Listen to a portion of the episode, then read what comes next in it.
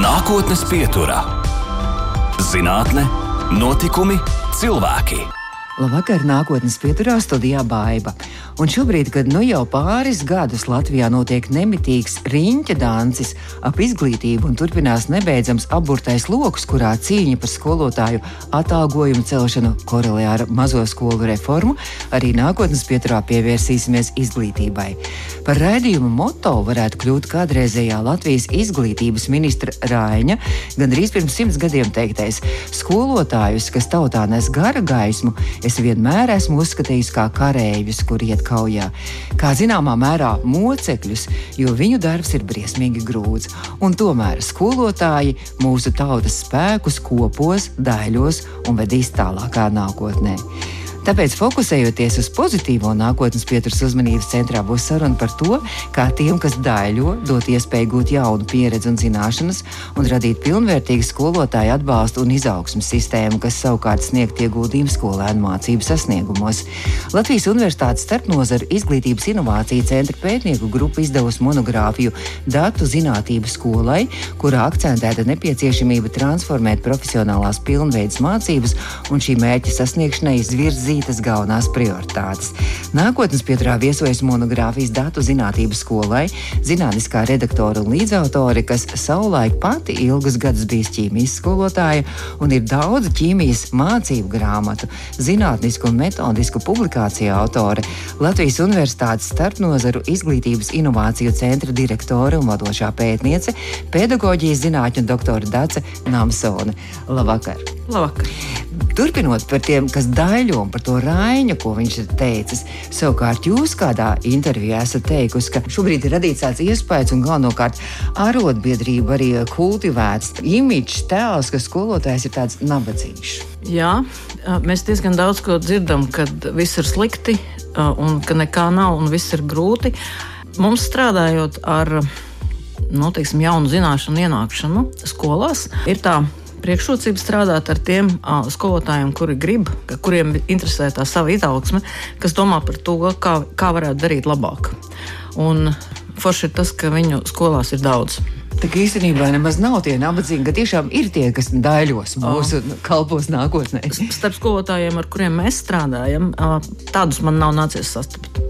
Pirms šīs monogrāfijas datu zinātnības skolē, protams, bija liels iestrādes, daudz pētījumu, un arī vasarā es skatos, ka bija arī tāds seminārs nesen veikts arī pētījums, kā izglītības sistēma var atbalstīt skolotājus, lai skolēni varētu apgūt 21. gadsimta prasībām atbilstošas zinības.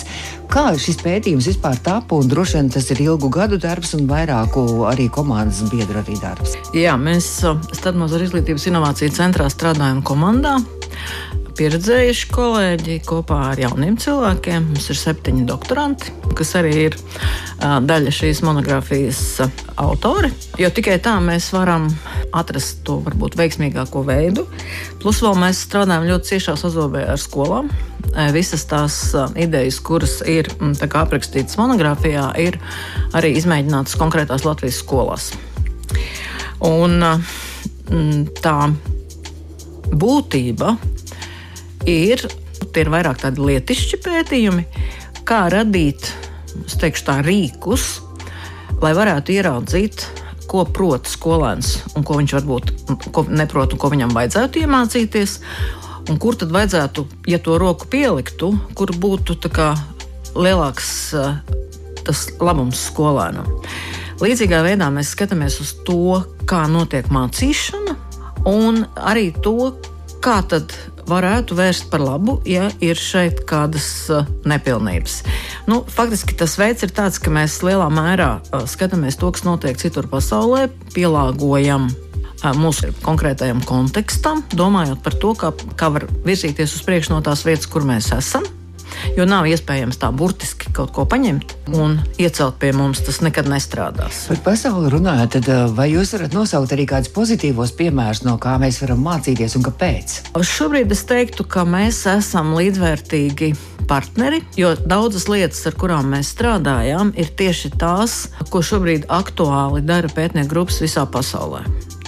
Ja pirms gadiem 20 mēs varējām skatīties tā, kā jūs teicāt, ka mums vajadzētu mācīties, Tad šobrīd tieši pētniecībā mēs arī strādājam vairākos starptautiskos projektos, komandās ar citu valstu kolēģiem. Mēs aktīvi piedalāmies konferencēs ar to, ko mēs darām, eh, dalāmies, maināmies ar šīm idejām. Jo tas, kas ir noticis atšķirībā no tā laika, kad Rainis bija izglītības ministrs, pirms simts gadiem, uh, jā, mēs šobrīd dzīvojam citā laikmetā ir atnākušas tehnoloģijas, internets, mākslīgais intelekts, un tas ļoti būtiski maina a, skolotāja lomu. Tas ļoti būtiski maina veidu, kā skolēni kaut ko dara. Un ir tikai tas, vai mēs paši esam līdz galam sapratuši, cik īstenībā tādā nu, lielā mērogā šīs pārmaiņas ir nozīmīgas.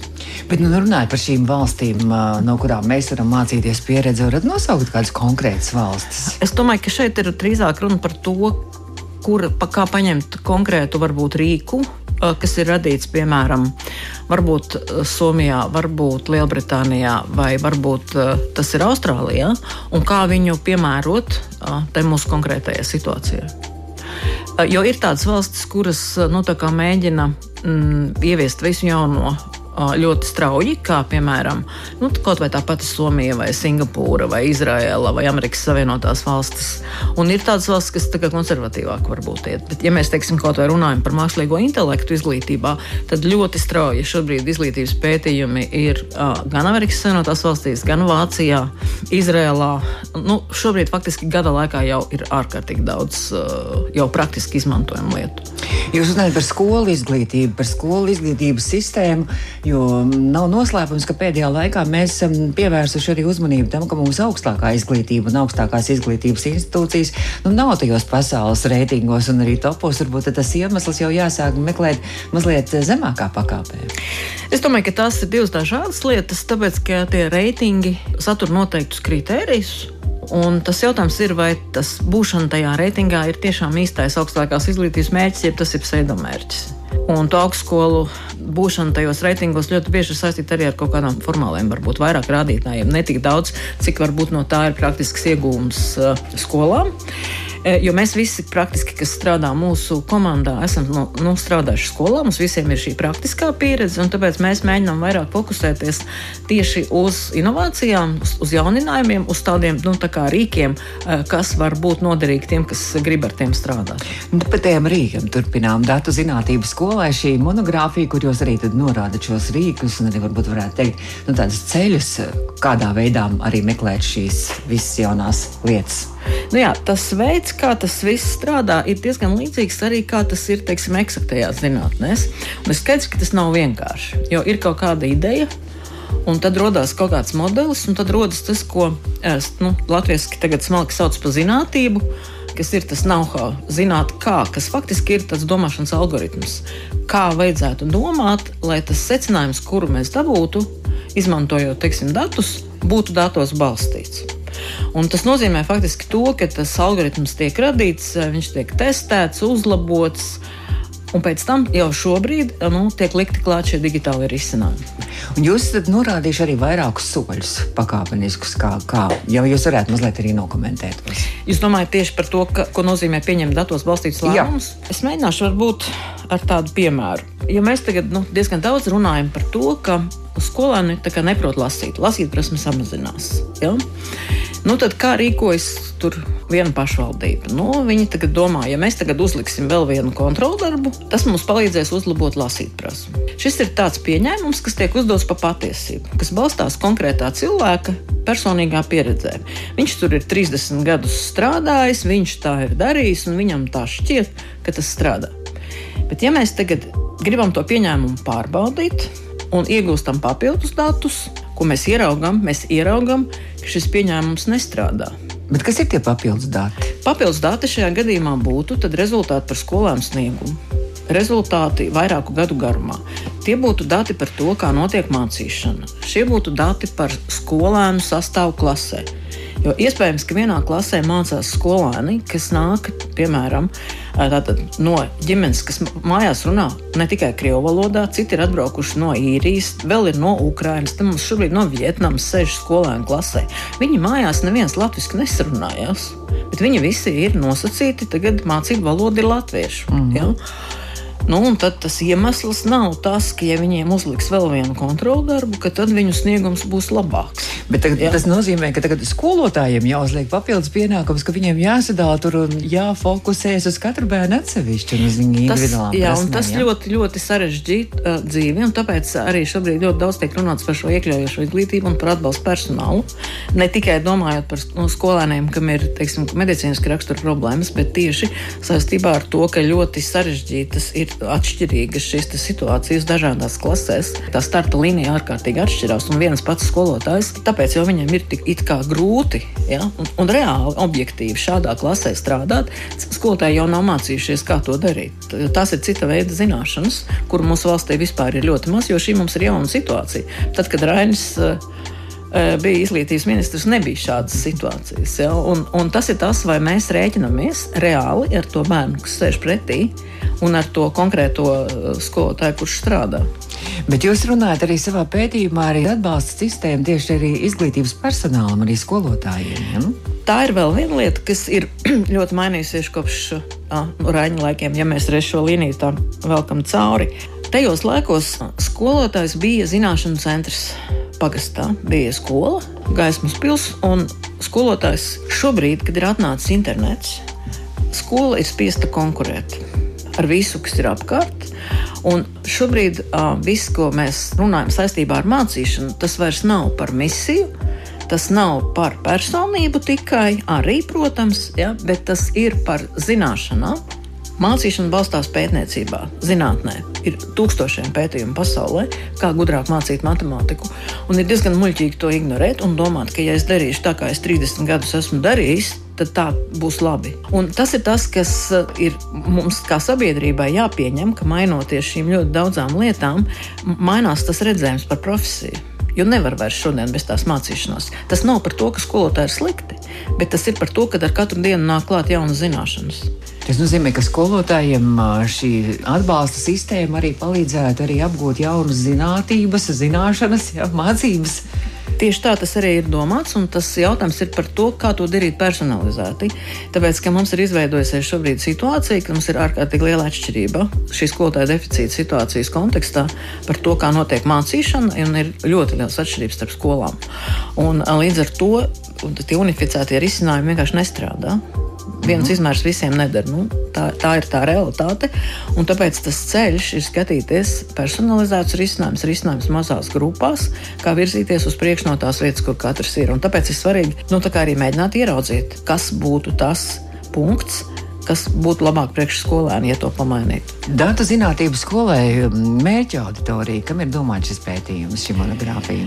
Primāri tie ir mācību spēki dažādi veidi, tie ir, nu, kas māca skolotāju kolēģi, tie ir skolu vadītāji, tie ir skolotāji, kuru darbs ir strādāt ar citiem kolēģiem, lai es būtu atbildes uz jautājumiem, kāpēc es šādi, es šādi daru. Jo pētniecības uzdevums jau ir kāds parādīt, ja es iešu pa šo ceļu, būs šāds iznākums, ja es iešu pa otru ceļu, būs citādāks. Lēmums jau jāpieņem darītājiem. Pētnieks jau nepieņems viņa vietā to lēmumu. Nākotnes pieturā. Mēs turpinām nākotnes pieturu šo rādījumu. Pēc tam varat noklausīties arī mūsu Latvijas Rādio 2 mājaslapā, audio sētē un podkāstos lielākajās vietnēs. Latvijas Universitātes starpnozara izglītības inovāciju centra direktora un vadošā pētniece pedagoģijas zinātņu doktora Dāca Namsona šobrīd ir mūsu nākotnes pieturas viešņa. Un runājot par to pedagoģiju, tad jūs esat vairāku mācību grāmatu arī ķīmijā autori, arī zinātnisku un metodisku publikāciju autori. Piemēram, es skatījos organiskā ķīmija vidusskolai, organiskā ķīmija vidusskolai pārbaudas darbi, ķīmija 9. klasē mācību grāmatu. Tas ir sākotnējais jūsu ceļš, kā jūs nonācāt arī līdz, līdz zinātnē, līdz pētniecībai. Sākāt ar ķīmiju. Es uh, esmu beigusi ķīmijas fakultāti. Un tajos tālajos gados mēs bijām toreiz viena no pirmajiem, kas beidzot ķīmijas fakultātē aizgājām nevis uz ķīmijas zinātni, bet aizgājām strādāt uz skolu. Un mans diplomdarbs jau tolaik beidzot universitāti bija saistīts ar ķīmijas mācīšanu. Tā kā faktiski sākot pat no pašām savām pirmajām skolotāja gaitām, es visu laiku esmu nu, mēģinājis skatīties uz priekšu un domāt par to, kas ir pamatā tam, kā darīt labāk. Ir skaidrs, ka uh, kaut kādos posmos ir kā saprotama tā lietu kārtība, kā tas notiek, un tad ir jautājums, kas ir tas nākošais solis, ko tālāk. Un līdz ar to tā pieredze, ko es ieguvu mācot ķīmiju, un es to darīju 15 gadus, ir arī vairāk ieraugāma šajās mācību grāmatās. Bet nu, tas laiks ir jau drusku aiz muguras. Pēc tam, mācoties doktorantūrā un strādājot pie disertācijas, arī nu, tā bija saistīta ar to, kā mācīt organisko ķīmiju. Jūs arī vairāk zinātnisko darbu arī vadītāji vairākos darbos esat bijis arī Latvijas universitātes topošiem dabas zinātņu, arī matemātikas skolotājiem. Un tad es arī paskatījos, kas bija tie darbi. Nu, tas bija pirms vairākiem desmit apmēram gadiem teikt. Piemēram, bija ļoti interesanti arī ķīmijas apguves skolēniem ar mācīšiem traucējumiem pamatskolā vai mācību spēļu izmantošanu ķīmijas apguvē. Jā, tā ir, ka šobrīd uh, mēs turpinām darbu darbu ar tiem jauniešiem, kas uh, mācās ne tikai par ķīmijas skolotājiem, bet nu, visu dabaszinātņu skolotājiem, kas studē. Latvijas universitātē nākas nu, vadīt arī disertācijas, kas ir saistītas ar ķīmijas mācīšanu. Un, protams, ka tā priekšrocība, ka es ļoti ilgi pats strādāju šajā darbā, dod iespēju šāda veida darbos radīt kaut ko praktiski izmantojamu. Kā šobrīd ir situācija? Ir populāra ķīmijas skolotāja profesija? Diemžēl nav. Diemžēl nav. Visi gribētu uz pētniecību droši vien. Jā. E, tas ir vispār jautājums par to studējošo skaitu eksaktajos priekšmetos, kā nu, tas ir tāds mūžīgais jautājums. Un problēma ar ķīmijas skolotājiem šajā te, teiksim, deficīta situācijā ir, es teiktu, dramatiska. Kā to risināt? Tie ceļi neviens no viņiem nebūs ne viegls, ne vienkāršs. Jo viens ir šī situācija, ka no vienas puses mums trūkst skolotāju, bet no otras puses mums ir skolas, kurās tā ķīmija tiek mācīta e, vienam bērnam vai pieciem bērniem klasē mazās lauku Tas skolās. Mazās skolās ja? mm. nu, tad ir jautājums, cik šis ir prātīgi.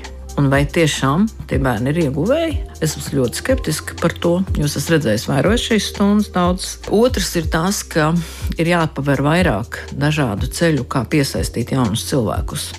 Un šī te tāda skolotāja tēla, par ko jūs iesākāt, šāda tēla radīšana nepadara šo profesiju jauniem cilvēkiem pievilcīgu. Un tas ir tas uh, veids, ka atalgojums, protams, tas, kas uz ko tiek strādāts, tas ir ļoti svarīgi, bet atalgojums nebūs vienīgais, ja tā profesija nebūs uh, pievilcīga. Mhm. Un plus, ka, protams, tur radās tāds aburtais lokus, ja skolotājs uh, māca tāpēc, ka viņu kāds ir pierunājis, viņš īstenībā ir maiturības skolotājs. Viņš nevar aizraut tos jauniešus līdzi, un līdz ar to daudz mazāk ir to, kas vēlētos šādu ceļu turpināt. Viņi kļūst kļūst vēl mazāk un mazāk. Un, nu, tā situācija pašlaik jau ir kritiska. Vai pasaulē arī ir līdzīga? Šī situācija ir ļoti atšķirīga kā tiek risināts šis skolotāju jautājums dažādās valstīs. Jo, nu, es nevaru atbildēt šobrīd no galvas tieši par ķīmijas skolotājiem, bet Somijā ir konkurss uz skolotāju vietām. Ar sākuma skolā tur ir desmitos cilvēku uz vietu.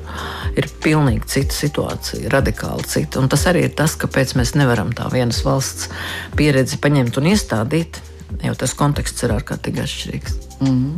Runājot par pētniecību un atgriežoties pie pētniecības, skatījos, ka janvārī jums bija tieši nu, pirms mēneša bija jaunajiem pētniekiem, kur jūs arī laikam starptautiskajā pētījumā esat iesaistījušies vairākas Eiropas valstis. Mums bija nu, patās veselu nedēļu starptautiska projekta mm, nu, semināri par telpiskās domāšanas mācīšanu. Mēs tur pārstāvam tieši šo kā mācīt skolotājus jomu, bet tur ir pretī tehnoloģiju eksperti, kognitīvie zinātnieki, inženieri. Tas ļoti starpdisciplinārs projekts, jo ir atkal ļoti daudz šobrīd pētījumu, ka telpiskās domāšanas attīstīšana sekmē matemātikas apguvi. Pasaulē šobrīd šajā virzienā ļoti daudz tiek ieguldīts līdzekļu, lai saprastu, kā tas, kā tas strādā.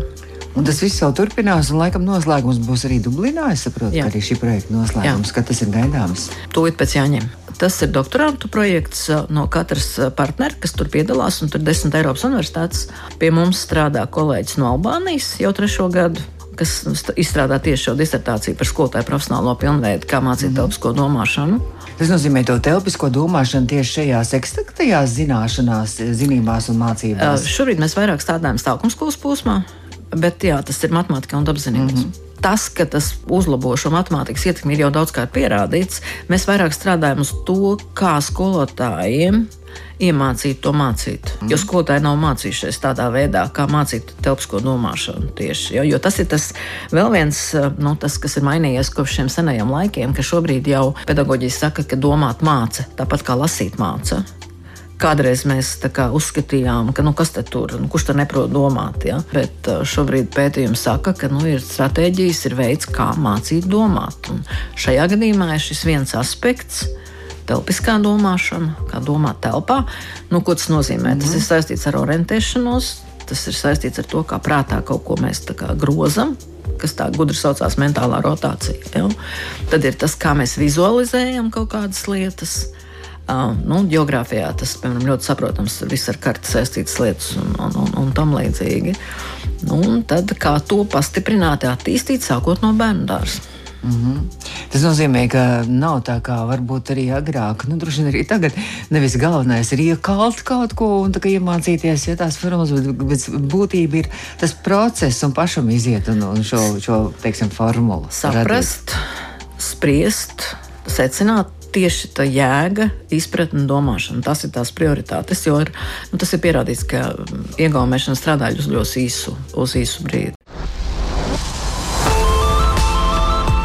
Nākotnes pieturā - zinātne, notikumi, cilvēki.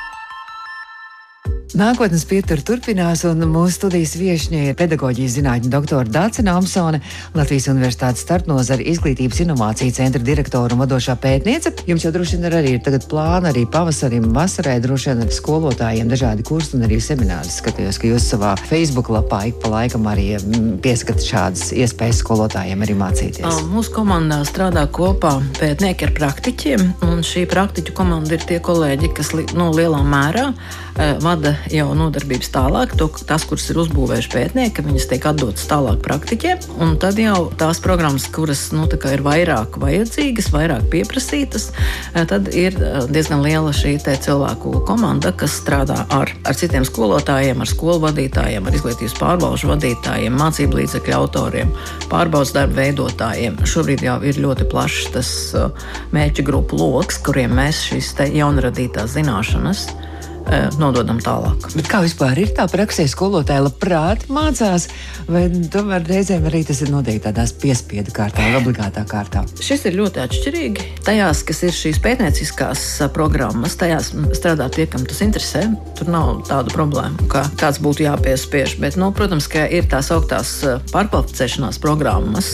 Nu, tur gan ir dažādi arī cilvēku motivācijā kaut ko mācīties, tas atšķirības ir lielas. Mēs vēl nepaspējām parunāt arī, kas šobrīd ir modes lieta, protams, un arī aktuālā lieta - mākslīgais intelekts. Tad, kad jūs bijāt tāds skolotājs, tā jums droši vien nebija problēma. Kā šobrīd skolotājiem tā ir problēma, vai tas ir palīgrīgs? Es domāju, ka vispirms ir eh, katram kā, līdz galam šī doma jāizdomā, ko tas mākslīgais intelekts īsti nozīmē, jo tas, kas ir ļoti radikāli mainījies no situācijas gadu atpakaļ, mākslīgais intelekts šobrīd atrodas skolotāju teritorijā. Latvijā. Mēs pagājušā nedēļā bijām Londonā, bet tehnoloģija izstādē tur mums bija iespēja, piemēram, vēsturē var aprunāties ar Winstonu Čērčilu. Mm -hmm. Interesanti. Jā, bet ko tas nozīmē? Tas nozīmē, ka to, to skolotāju, kurš vienkārši skolēniem dod darba lapas stundās, intelekts var aizstāt jau šodien. Tāpēc, ka viņš sarunājas, viņš ir tāds dzīvelīgs Un viņš jau dod tās atbildes, viņas, kuras viņam ir iemācītas. Un viens no projektiem, kur mēs ar kolēģiem šobrīd strādājam, ir kā mākslīgais intelekts uh, palīdzēs šajā skolotāja profesionālajā pilnveidē. Mēs tad veidojam nevis nodarbību vadītājs nu, reāls, bet skolotājs mācās, izmantojot šo mākslīgo intelektu.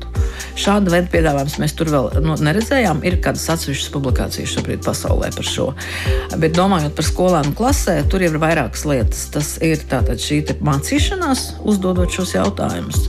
Ļoti strauji iet uz priekšu. Otrs ir momentāna atgriezniskā saite.